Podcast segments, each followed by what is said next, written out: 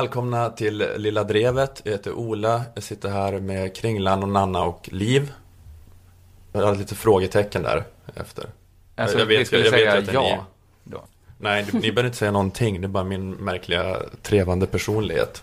Ja, Att jag kan säga Kringlan, Nanna och Liv utropstecken. ja, ja, men vi Det har lärt jag oss gjort. leva med din personlighet. Ja. Vi sitter här i din lägenhet Kringlan. Ja, eh, vad Kan inte tycker du ni? berätta Ja, men just lite nu, hur, hur, du har tänkt med din inredning? ja men ni är ju aldrig hemma hos mig när vi inte gör den här podden. Så att det brukar ju inte se ut så här. Jag brukar inte ha tyger uppsatt överallt. Det, det finns liksom inga naturliga textilier i min lägenhet. Ja, men jag känner lite så här eh, ökenvinden vina när man kommer in här. Man kan liksom eh, röka en hel limpa cigaretter och sen öppna fönstret i tio minuter. Så är det liksom helt eh, lugnt igen. För att det finns liksom inget för en, en doft att sätta sig här. Därför är det ett så bra kill room också. Du dödar människor här Jag, jag skulle kunna döda människor. Det luktar, hon lämnar ingen lukt efter sig. Ingen Nej, liklukt. jag jag du kan vädra liksom- ut liklukten Ja, den går ut fort. När du dödar människor här. Eh, ja, men så ser det väl ut. Men det är väl ändå trevligt också? Eller? Det, jag tyckte det var väl hårt här med ökenvindar som drar Och att man kan mörda folk. Och att man kan mörda. Man kan ju också liksom leva och älska här. Men om du skulle ha ett husdjur så skulle du kunna ha en sån coyote. tycker jag vi halkar tillbaks på, på att det inte var så fint hemma hos mig. Någon slags ödla kanske. De flesta djur skulle kunna trivas här, kanske inte människor. Eh, vad ska Lilla Drevet handla om idag? Jag byter ämne. Det ska handla om eh, Beatrice Ask eh, stora sociala medier-succé. Som hon hade Mm. tidigare i veckan. Som ni nog har hört talas om. Vilken slam hon har gjort. Ja, hon, har, henne, hon är ju mer känd än någonsin. Washington Post skrev om det här och så. Hon har ju blivit kändis. Man säger grattis Beatrice. Grattis. Coolt. Liv, vad ska du prata om? Jag ska prata om en undersökning som eh, handlar om mat och depression. Och jag tänkte prata om en eh, besvikelse. Jaha. Var en privat besvikelse. ja.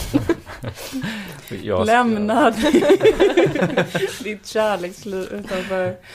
Det, det blir Ja. väldigt eh, extremt självutlämnande berättelse av Nanna senare. Om, om att bli dumpad. Eh, jag ska prata om Kina, men det är ingen som bryr sig. eller? Nej, nej, ingen bryr sig. Nu kör vi en stinger.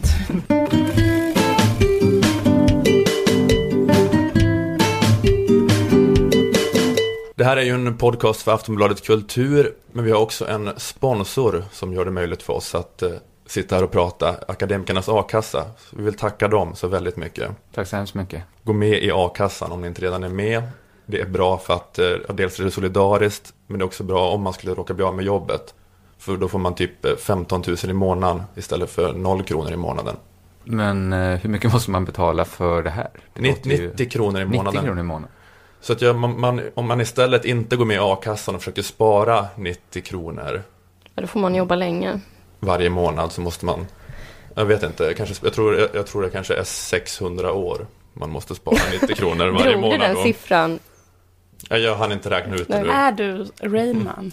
Man måste spara 90 kronor i månaden i 600 år för att komma upp i en månads a-kassa. Obehagligt om man någon nu räknar på det och det är rätt. Ja, nej men det låter ju fantastiskt. För 90 kronor, jag vet inte, det kanske är mycket för vissa. Är det mycket pengar för dig, Ola? Nej, det är inte mycket pengar för mig. Vad brukar du göra när du har 90 kronor över? Ja, men jag, vi köper väl en dubbeljapp och en Aftonbladet kanske. Och resten, resten bränner du på oviktigheter. Ja. Just det. En annan grej som är bra just med akademikernas a-kassa är att eh, man aldrig behöver byta när man har gått med i den a-kassan. För att andra a-kassor är så bundna till branscher. Om du byter jobb och liksom går från ett jobb till ett annat kanske du måste byta a-kassa. Men när du är akademiker så är du akademiker for life. Så du kan Aha. alltid vara med i den. Så den är praktisk på så vis. Men även om man gör en sån omskolning, går från kanske universitetslektor till att bli golvläggare, kan man vara kvar i akademikernas då? Men din akademiska titel kommer de väl inte ta ifrån dig. Nej, Bara för att du lägger golv. ska de fan det, vad, inte det, göra. det var det för jävla samhälle. Ett skitsamhälle. Eh, tack Akademikernas A-kassa för att ni gör samhället eh, enklare för oss akademiker. De vill också hälsa en sak till att eh, de andra a-kassorna har nu sänkt sina avgifter från och med i år. För att akademikerna bryr sig inte om vilken a-kassa ni är med i så mycket, bara ni är med i a-kassan. Men det har blivit generellt billigare, många a-kassor har sänkt sina avgifter nu. Men akademikernas a-kassa är fortfarande näst billigast med 90 kronor.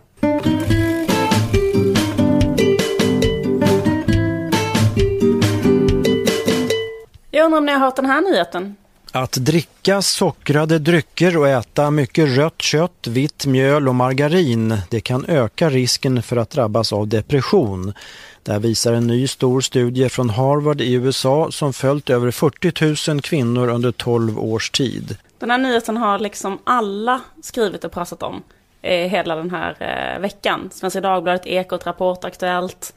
Det har fått ett enormt stort genomslag, den här nyheten. Alltså kopplingen mellan eh, rött kött, läsk och depression. Ja, precis. Ja, mm. Att, det, att det då, eh, enligt den här undersökningen, gör att, eh, eller folk som äter det är mer deprimerade. Och dessutom så visade den här undersökningen att mat som var bra att äta om man ville undvika depression, det är då olivolja, gröna blad samt vin och kaffe. Mm. Och det här ledde ju till ett stort antal artiklar med rubriker som Slipp depression, drick vin och kaffe. Som till exempel i Aftonbladet. Och de fortsätter artikeln så här. Glädjebeskedet kolon. Nu kan du skölja ner broccolin med vin. Det är olika idéer om vad ett glädjebesked är. Det är ju alltid härligt med den här typen av undersökningar. Alltså att när journalister då får tillfälle att säga det som alla människor helst av allt vill höra. De här tre små orden som alla, alla människor innerst inne, liksom deras innersta önskan är att få höra. Nämligen de tre små orden, drick mer vin. Mm. Och så har man en undersökning som kan backa upp en också. Det är lugnt. det går att amma full. Precis. Det är den bästa nyheten Det gör inget heller om du drack igår och i förrgår, för det är bara bra för dig. På en halv flaska kan du köra. Du kan hämta och lämna. Men det, det verkar vara en svår undersökning att göra det här. Svårt att komma fram till. Mm, absolut. Eller jag menar, det är självklart att det är så, men att det är så här statistiskt samband. Att man mår dåligt av att äta hemsk mat. Men jag förstår liksom inte riktigt hur man... Men är det hönan ägget grejen eller att det är att man ja, kan... men... eh, Ja, men att det finns så många olika faktorer. Man kanske bara blir deprimerad av hela sin livsstil och hur man mår. Och eh, orsakssambandet, vad, som, vad i liksom det vita sockret eller något som tar ner ens serotonin och Ja. gör en Men du deprimerad. menar, är man ledsen för att man är plura eller är man plura för att man är ledsen? Mm, ja, Ja. Det, det finns ju också förstås. Han är Jaha, inte det var- ledsen. Nej, jag skulle precis säga det. Jag tycker han verkar må jättebra. Fast då kanske inte han var med i den här undersökningen. Han dricker ju å andra sidan väldigt mycket vin, så att han skulle kunna vara ett, en posterboy. Odlande, broccoli efter broccoli.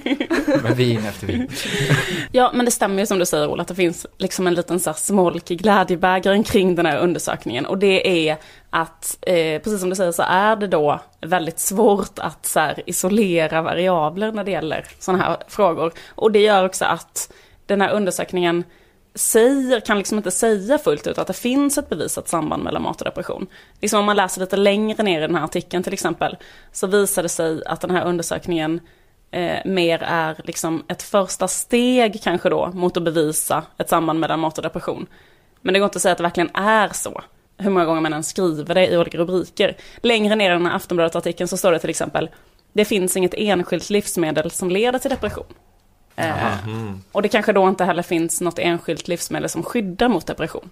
Det var som när jag såg rubriken en gång Kristdemokrater har bäst sex i Aftonbladet. Sen så när man scrollar ner var det att eh, underlaget för undersökningen var så litet så det är inte statistiskt säkerställt. Vi har ingen, så? aning om vilket, få- vi har ingen aning om vilket parti som har bäst sex. Så få kristdemokrater som har sex, så det gick inte att hitta något. Det fanns så få kristdemokrater överhuvudtaget så det gick inte att ha en så stor urvalsgrupp så det blev kvantifierbart. Nej, Det fanns och- bara tre. Och eventuellt har någon av dem sex och har den sex så är det jävligt bra. Den, ja, det vet man ju.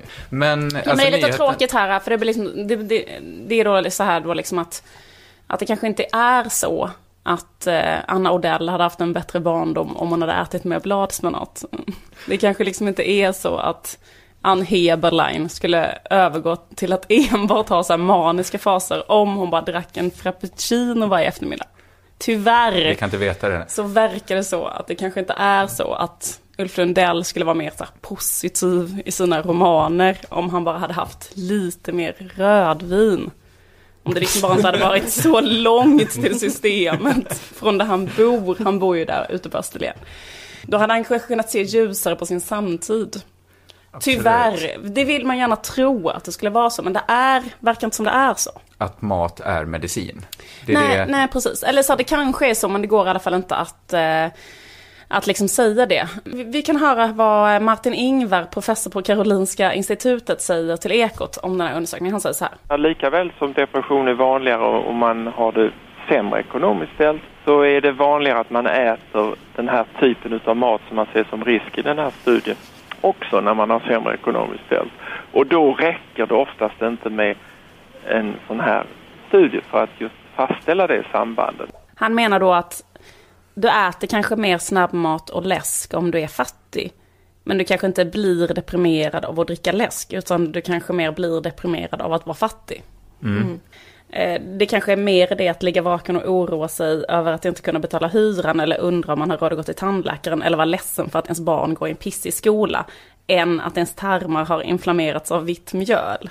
Den här ångesten för ens kronofogdeskulder kanske inte kommer försvinna bara för att man börjar äta quinoa. Men det gör inget bättre att äta rostat bröd bara. Sitta Nej. hemma och äta rostat bröd gör ju ingen glad. Och den som äter det. Det är ju härligt. Men, men du den här- litar inte alls på den här undersökningen, Anna hör. Den här undersökningen skulle lika gärna kunna visa så här till exempel. Kvinnor som åker buss är mer deprimerade än kvinnor som har en egen Porsche. Slutsats, akta er för bussar, tjejer. Eller kvinnor som har billiga tights från H&M är mer deprimerade än kvinnor som har plagg i 100% i dansk ull. Kvinnor som syr billiga tights på H&M då. Exakt, kvinnor som syr billiga tights till H&M borde försöka ha på sig 100% i dansk ull eftersom undersökningar visar att då mår man bättre. Eller så här, eh, kvinnor som tänker väldigt mycket på sin osäkra anställning som timvikarie är mer deprimerade än kvinnor som tänker väldigt mycket på bikramyoga eller Carl Malmsten-stolar. Så slutsatsen är så här, försök tänk lite mer på eh, Carl Malmsten. Bara fokusera fem minuter om dagen på svensk möbeldesign. Så förebygger du på det sättet depression. Bra tips. Så är den undersökningen.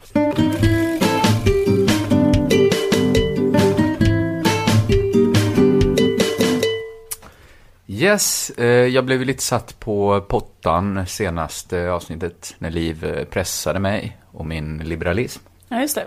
Jag tänkte spotta i nävarna och ta nya tag. Eh, jag, jag, det är ju ändå ett projekt jag, är- vi är intresserade, eller jag, vet, jag är ju intresserad, jag vet inte alls hur ni är.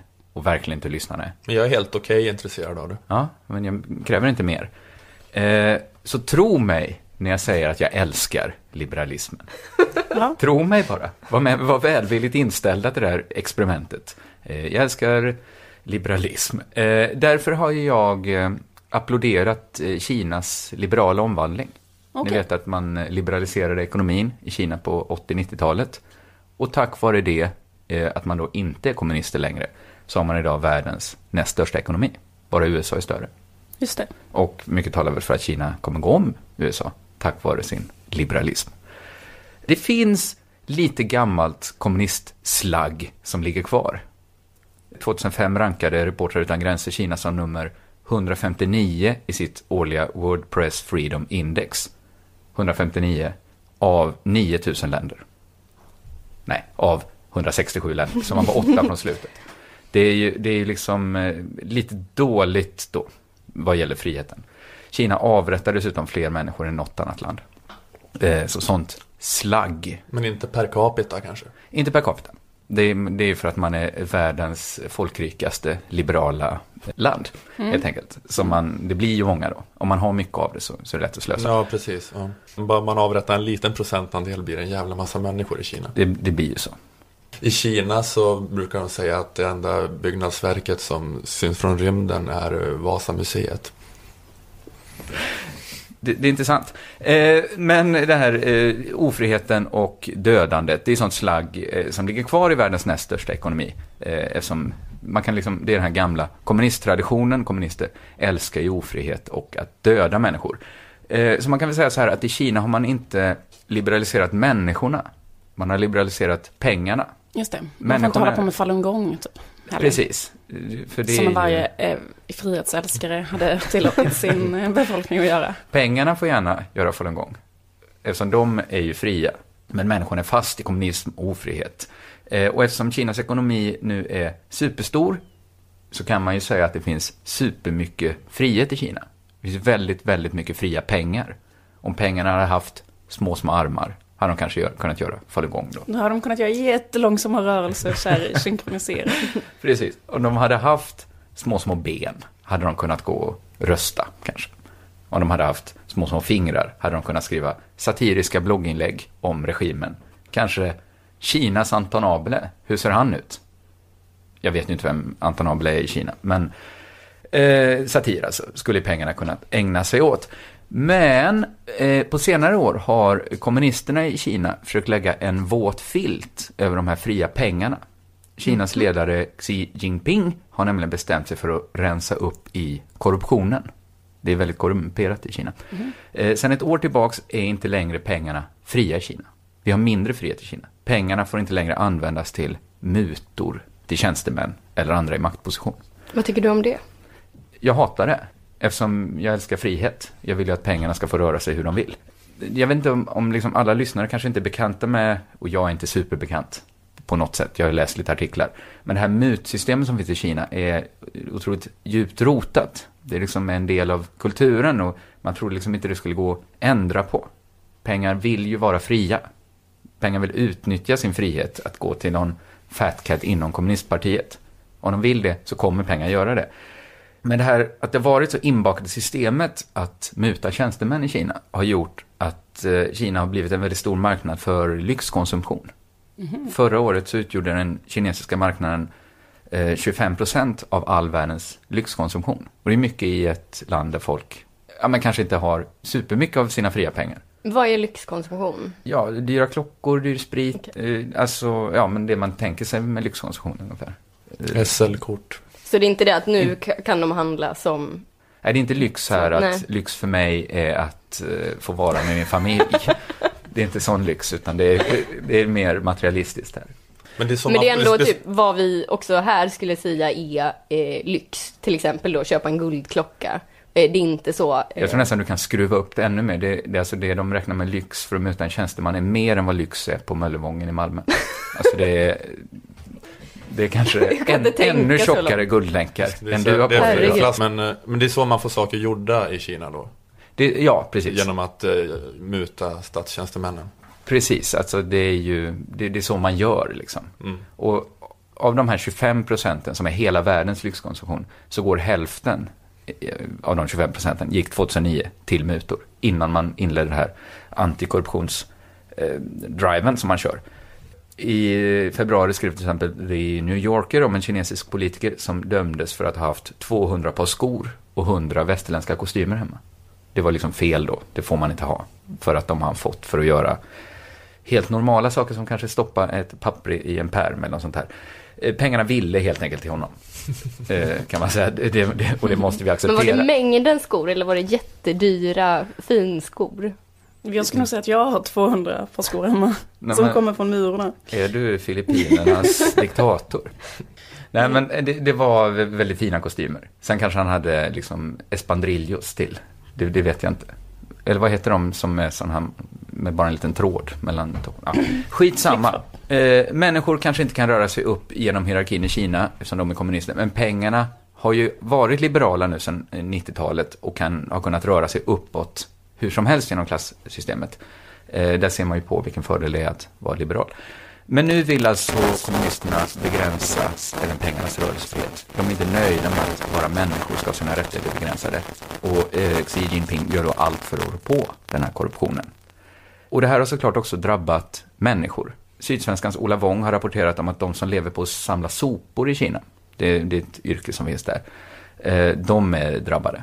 För förr gavs det bort så mycket dyr sprit att man kunde leva på att samla flaskorna som någon partipamp eh, hade druckit och kastat.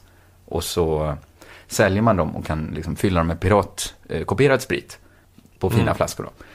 Men det är inte bara de som har drabbats av det här svineriet, utan även konjakstillverkaren eh, Remy Martin har minskat sin försäljning med 20 procent. Eh, sen man då inte fick använda sprit för att muta tjänstemän. Det går sämre för schweiziska klocktillverkare. Innan antikorruptionskampanjen stod mutor för 60 procent av försäljningen eh, av lyxklockor.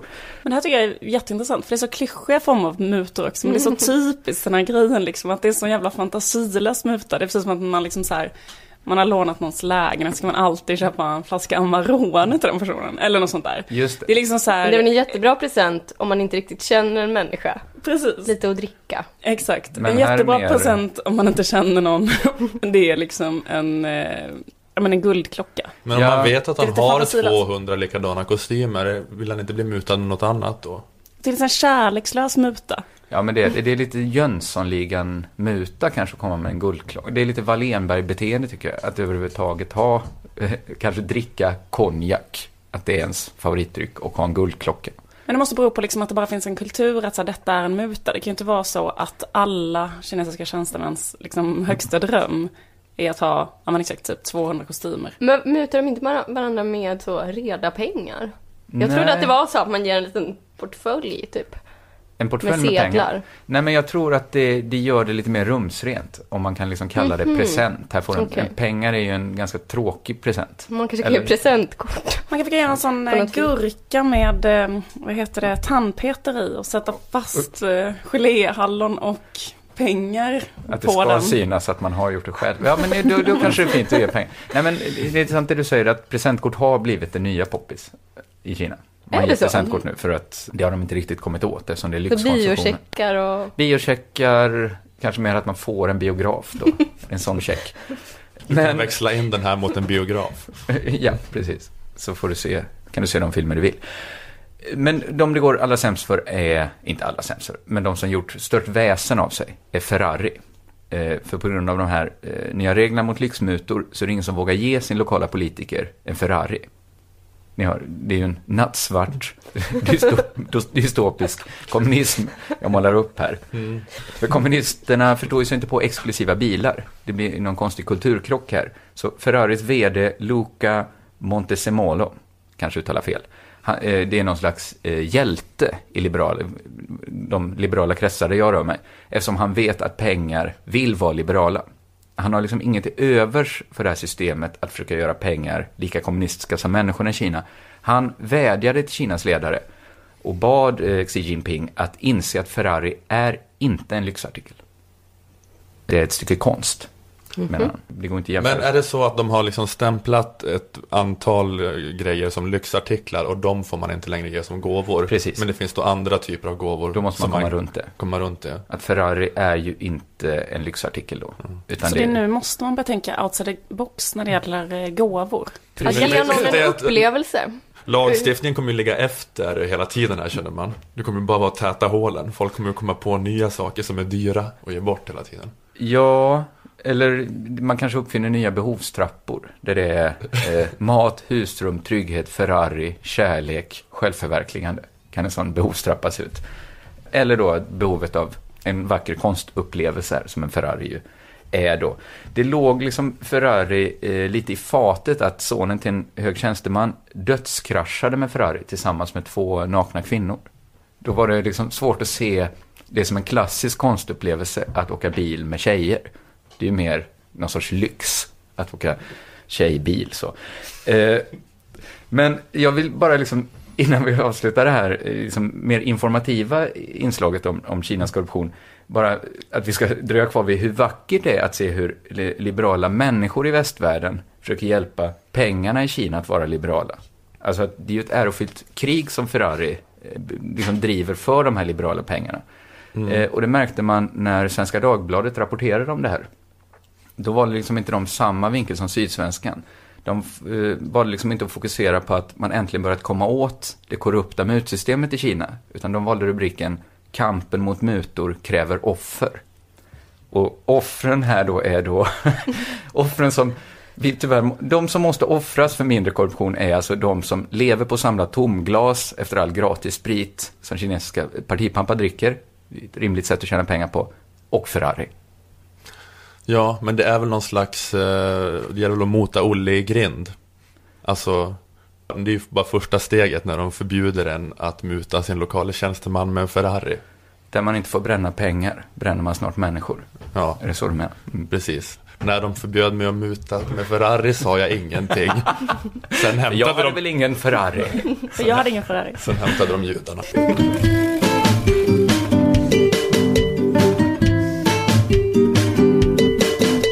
Jag tänkte bjuda på något som faller under kategorin kultur, nöje.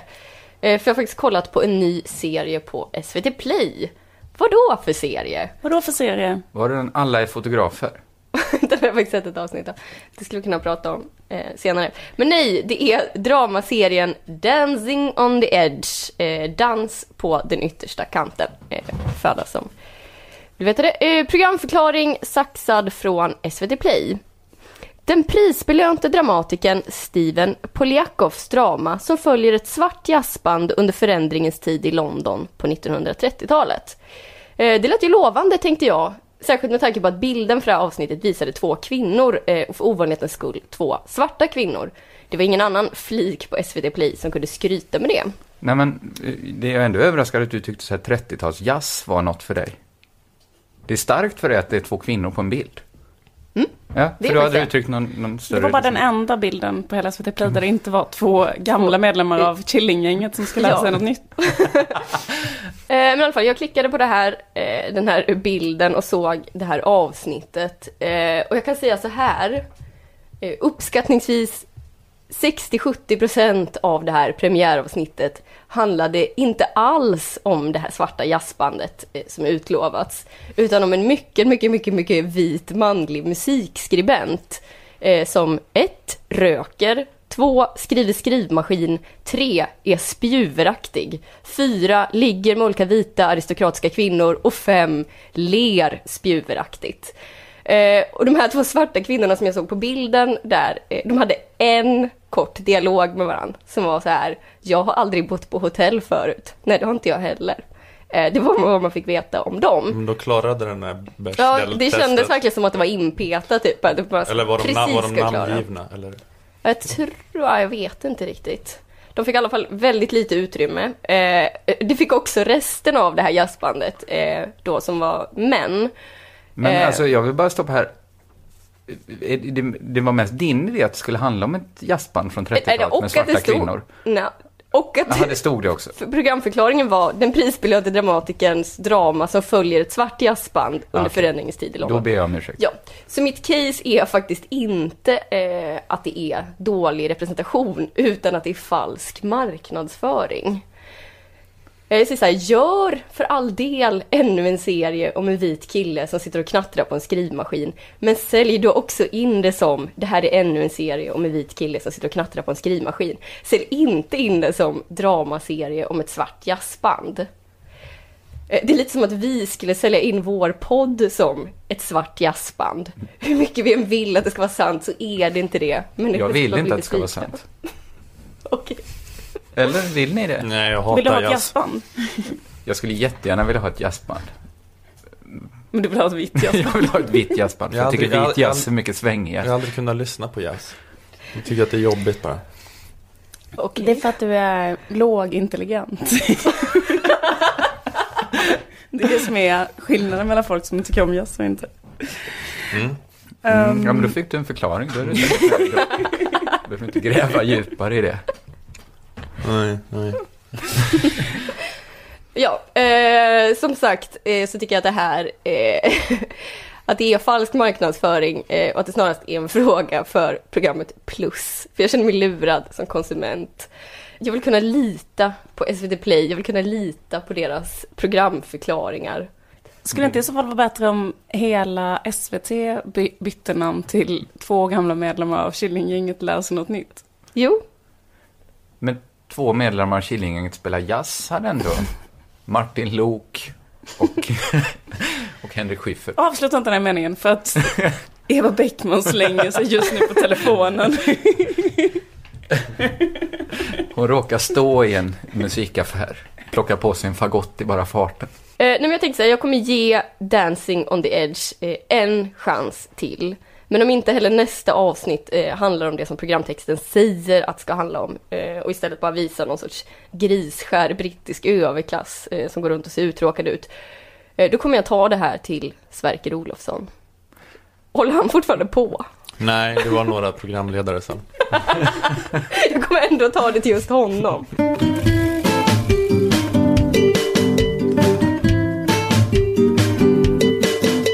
Cannabis har legaliserats i delstaten Colorado i USA. Vi pratade om det förra veckan, Ola. Ja, Du var med. Du, du pratade om hur TV4 Nyhetsmorgon hanterade cannabisdebatten. Mm, mm. Och i USA finns det kollegor till dig, Kringlan. Jaså? Cannabisdebattsatiriker. Det finns sådana som jobbar med det där också. Det finns en humorsajt som heter Daily Current eh, som jobbar med låtsasnyheter. Och de la upp en artikel där det stod att eh, 37 människor dog av marijuanaöverdoser i Colorado första dagen som det var lagligt. Mm, ja, men jag känner till det här. Artikeln var då en parodi på hur människor som är överdrivet rädda för knark tänker om knark. Mm, mm. En av dem eh, som läste den här artikeln var Sveriges justitieminister Beatrice Ask. Hon länkar till den på Facebook och skriver Dumt och sorgligt. Min första motion i ungdomsförbundet hette Krossa knarket. I den frågan har jag inte ändrat uppfattning. Att knarket ska fortfarande krossas. Ja, Men om de Krossas och krossar... Ja, exakt. Det var jag tänkte. och så vadå? Kno- krossas i små smulor och rullas Ja just det, det är mer en sån konsumentinformation att ät inte tabletten utan mortla den och sen snorta den. Ja. För då får du snabbare release. Det är det. Beatrice Ask försöker säga. Jag vet inte, jag har inte läst motionen. Nej, det har inte jag heller. Nej, men det är att hon tror att det här är på riktigt då, den här satirnyheten. Beatrice Ask är roligast i universum, trendar på sociala medier. Alla blir helt galna. Eh, Ask försöker sedan rätta till det här med att skriva Redigerar denna uppdatering så att andra ska slippa oseriös kritik från drogliberalt håll. Dumt och sorgligt att i satirform förlöjliga dem som inte gillar legalisering av cannabis. Hon vill få det då till att hon har fattat att det var fake hela tiden. Att det hon tyckte var dumt och sorgligt var att håna cannabis-legaliseringsmotståndarna på det här sättet. Vi ska inte behöva ta det här skämtet. Just det. Nej. Mm. Det var för elakt det skämtet då. Eller man, Det var för dumt inte skoja om döden. för dumt. Man kan skoja mycket men inte om inte om att- Beatrice Ask, där går gränsen för vad som är roligt. Det var sorgligt dåligt. Beatrice Ask har ganska högt i tak om vad man får skämta om. inte om Beatrice Ask. Nej men det var, ingen köpte den här förklaringen. Eh, och det har ju verkligen varit mat det här för Twitter. Oj vilken festmåltid det har varit. Eh, och jag vill gärna vara med och äta. Men jag vågade inte riktigt för jag började tänka att det här är liksom för bra. Hon kan inte vara så här väck.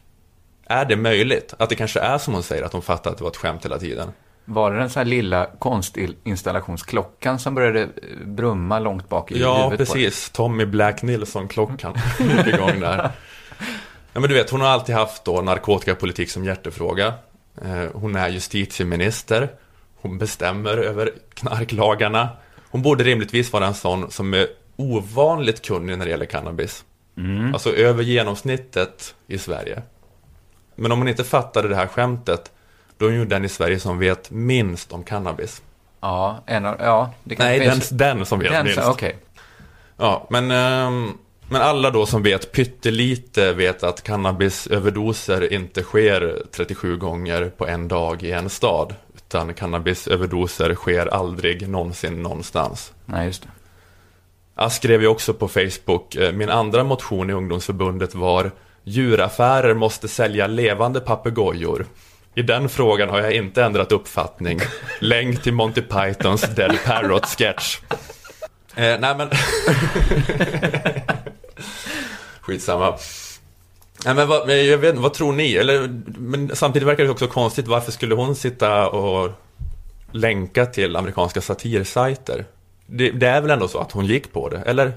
Ja, men det är väl klart hon gör, eller? Ja, Det är väl absolut. ingen snack om det tycker jag känns eh, helt... eh, Ja. Annars så skulle man inte skriva dumt och sorgligt. Varför skulle hon sitta och lä- Alltså, nej. Men Nej. är det nu, nu, detta är inte så roligt jag ska säga nu, men är man inte ofta rädd för det man vet väldigt lite om?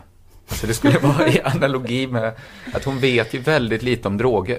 Och därför är hon väldigt rädd för droger. Och då har det blivit hennes politiska mission. Men det är inte väldigt konstigt att liksom så här, vara väldigt rädd för någonting, inte veta någonting om det och sen bli minister i Sveriges regering med ansvar för precis de frågorna. Jag menar, Ja, man men måste och- ändå ha läst, man måste liksom veta lite. Ja, hon har varit i en position och har blivit översköljd av rapporter och forskning och sånt antagligen. Ja, för att ja, hon har varit eh, narkotikaintresserad politiker i 40 år. Ja, men hon är kanske lite narkotikapolitikens Forrest Gump. Hon har bara hamnat i, hon är liksom en välvillig idiot som hamnar i olika situationer och styr liksom politiken genom sin liksom glada naivitet.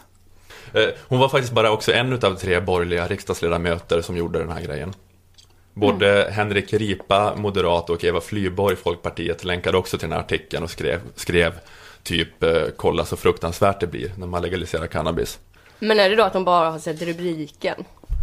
Men de ja men kanske... det räcker ju. 37 människor dog av överdos på en dag. Men menade de, kanske Henrik Ripa eller någon, kanske menade så här, kolla så fruktansvärt det blir. Nu får vi den här liksom grabbiga collegehumorn. Som där man liksom, det är ett skämt att man har rökt mycket gräs. Att det, det, det är ett skämt i sig, vad bra. Ja, precis. Det är, att det är mera skadligt än gräset där, den där gräsrökarkulturen som följer efter. Det är det ju verkligen. Dodkulturen. Mm. Men det är som sagt, det var tre stycken som gjorde det här misstaget då. Så det är då människorna som eh, kan minst om knark i Sverige som bestämmer över narkotikalagstiftningen. Men jag tänkte då att jag måste gå tillbaka till Beatrice Asks eh, tidigare uttalanden om cannabis. För att liksom försöka få någon klarhet i, alltså är hon så här väck som hon verkar? Hon var med i Ekots lördagsintervju för något år sedan och då blev hon utfrågad om den eh, hårda eh, svenska narkotikapolitiken. Att människor dör av knark är i Sverige dubbelt så vanligt som EUs genomsnitt enligt de här siffrorna. Hur bra fungerar den här hårda politiken då? Den är väldigt framgångsrik därför att den innebär att färre människor drar in, dras in i missbruket relativt sett och det är bra. Om dubbelt så många ja, dör, varför är det framgångsrikt? Ja, därför att dödlighet, att dö är inte den enda effekten som kan komma utav missbruk. Men det måste eh, nästan du, vara den värsta effekten ja, alltså man kan Du kan säga sig. så här, om du vill ha en liberal narkotikapolitik, vilket en del förordar, då kan vi tänka oss att man får röka marijuana och hasch eh, fritt. Det får väldigt allvarliga skador. Folk dör inte omedelbart men de blir ganska såsiga i huvudet. Såsiga i huvudet? ja. Jag förstår inte riktigt där. Ja, precis. Det var ett resonemang som irrade, irrade bort där på en liten stig. Men är det, det var man... slutade på Nej, det, det, jag tycker att det var helt i linje med svensk narkotikapolitiks policy. Men jag håller med Liv, ska man reda upp där? Hon menar alltså att om man får välja då mellan att folk dör eller blir såsiga i huvudet så är det inte självklart vad man ska välja. Eh, men här i och för sig verkar hon ju ha en mer rimlig bild av cannabis får man ju säga då. Att det, inte, det leder inte till omedelbar död, sa hon. Det kanske hade dröjt till dag två innan överdoserna hade börjat trilla in i Colorado. En dag av sås, sås i huvudet, ja. nästa dag död. Såsighet i huvudet, det kanske man kan hålla med om att det kan cannabis orsaka. Eh, ja men precis, men det kanske låter då som att hon uttrycker sig klumpigt här. Att som du sa Kringlan, att det inte är så lätt att veta vad man ska välja mellan död och såsig i huvudet. Eh, jag tycker det, men nej, men jag ska inte komma med några Ja men just att praxisen i svensk narkotikapolitik har varit lite grann att det viktiga är att bekämpa knark i sig självt. Snarare än att bekämpa skadorna som ett knarkmissbruk kan orsaka. Men menar, menar hon till, till och med att om, om någon dör så har man fått någon att sluta med droger? Att det är liksom en, en seger för drogpolitiken. Det måste vara en seger statistiskt sett i alla fall. Hon säger inte exakt det, kanske. Nej, men, men om någon som testar gräs för första gången blir påkörd av tåget så är det en liten seger. För då vet man att då kommer de inte göra om det i alla fall. Ja, men det är lite det viktiga att människor inte har något som helst knark i sina kroppar. Inget knark i kroppen kostar vad det kostar vill. Och det har då kostat att missbrukardödligheten är större i Sverige eh, än i grannländerna på grund av så här krångel med att vägra tillåta sprutbytesprogram eh, och massa krångel med så här ersättningsmedicin för heroinprogrammen. Mm. Att man har så lite struntat i vad forskningen säger och mer gått på sin magkänsla. Som säger att alla droger förutom sprit är superonda och måste bekämpas kompromisslöst. Och de som tar dem är lite rättslösa sådär. Sen i, i och för sig kanske eh, svenska forskare också vet eh, typ lika lite om narkotika som svenska riksdagsledamöter. För jag hittade den här grejen på Sveriges Radio eh, om Subutex. Som är en sån medicin som ges till heroinister. En medicin då som ersätter heroinet. Och då hade de gjort en undersökning där man lät eh, 20 heroinister ta Subutex. Sen efter en tid så bytte man ut Subutex mot sockerpiller. För hälften av de som deltog i undersökningen. Alltså man skapar liksom en kontrollgrupp för att kolla placebo. Ingen i Subutex-gruppen dog under projektets gång, men det gjorde fyra i kontrollgruppen. En av dem var Karins son. Han hade kanske levt idag om han dragit lotten som gav Subutex. Tycker man inte att de är värda någonting, de här människorna? Mm. Vad sinnessjukt. Ja, alltså... För det var människor som var beroende av heroin här. Det var inte så här laboratorieråttor. För då kanske man kan tåla att fyra dör. Ja, ja precis. Nej, det var människor. Det var och människor. det är ju just att Subutex att det är en svinstark medicin. Eftersom den kan ju ersätta heroin. Så måste man verkligen placebo-testa den. Nej, Det här inte- med att vi släpper lös svin mycket centralstimulantia i en persons kropp. Tror du att det är det som har en effekt? Eller är det bara liksom psykiskt?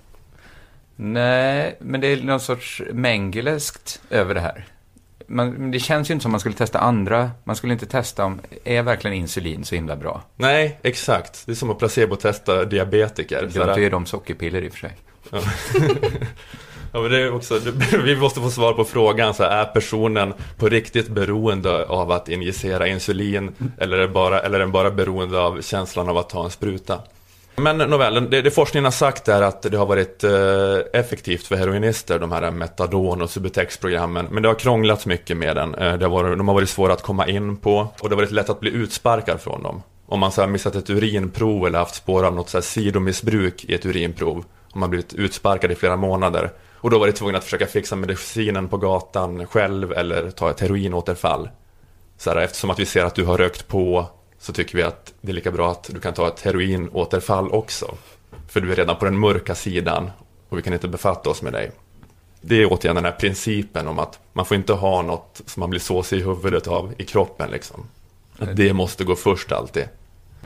Ja, men det är principen om att man inte ska ha knark i sig som gäller snarare än någon slags pragmatisk eh, riskminimering. Och jag tänkte kanske på så vis Beatrice Ask menar att man kan dö av en överdos av marijuana. Alltså att man röker marijuana, sen på urinprovet är det spår utav det.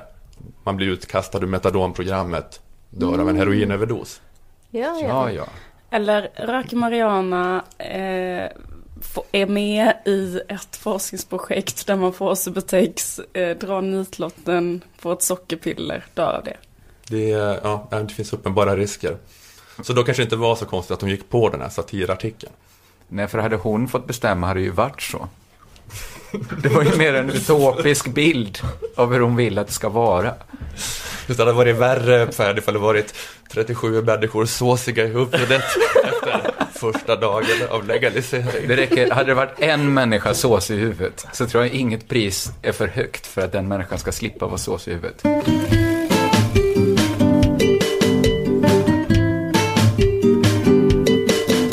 Ni har hört eh, Lilla Drevet, en av de eh, fem bästa satirpoddarna på Aftonbladet Kultur. Kan vi väl säga i alla fall. Absolut. Tack så mycket Kringlan, Nanna och Liv. Tack Eh, Ola. Vi vill också tacka vår sponsor en gång till, Akademikernas A-kassa. Gå in på aea.se och eh, lär er hur man gör för att gå med i A-kassan. Vi hörs igen nästa fredag.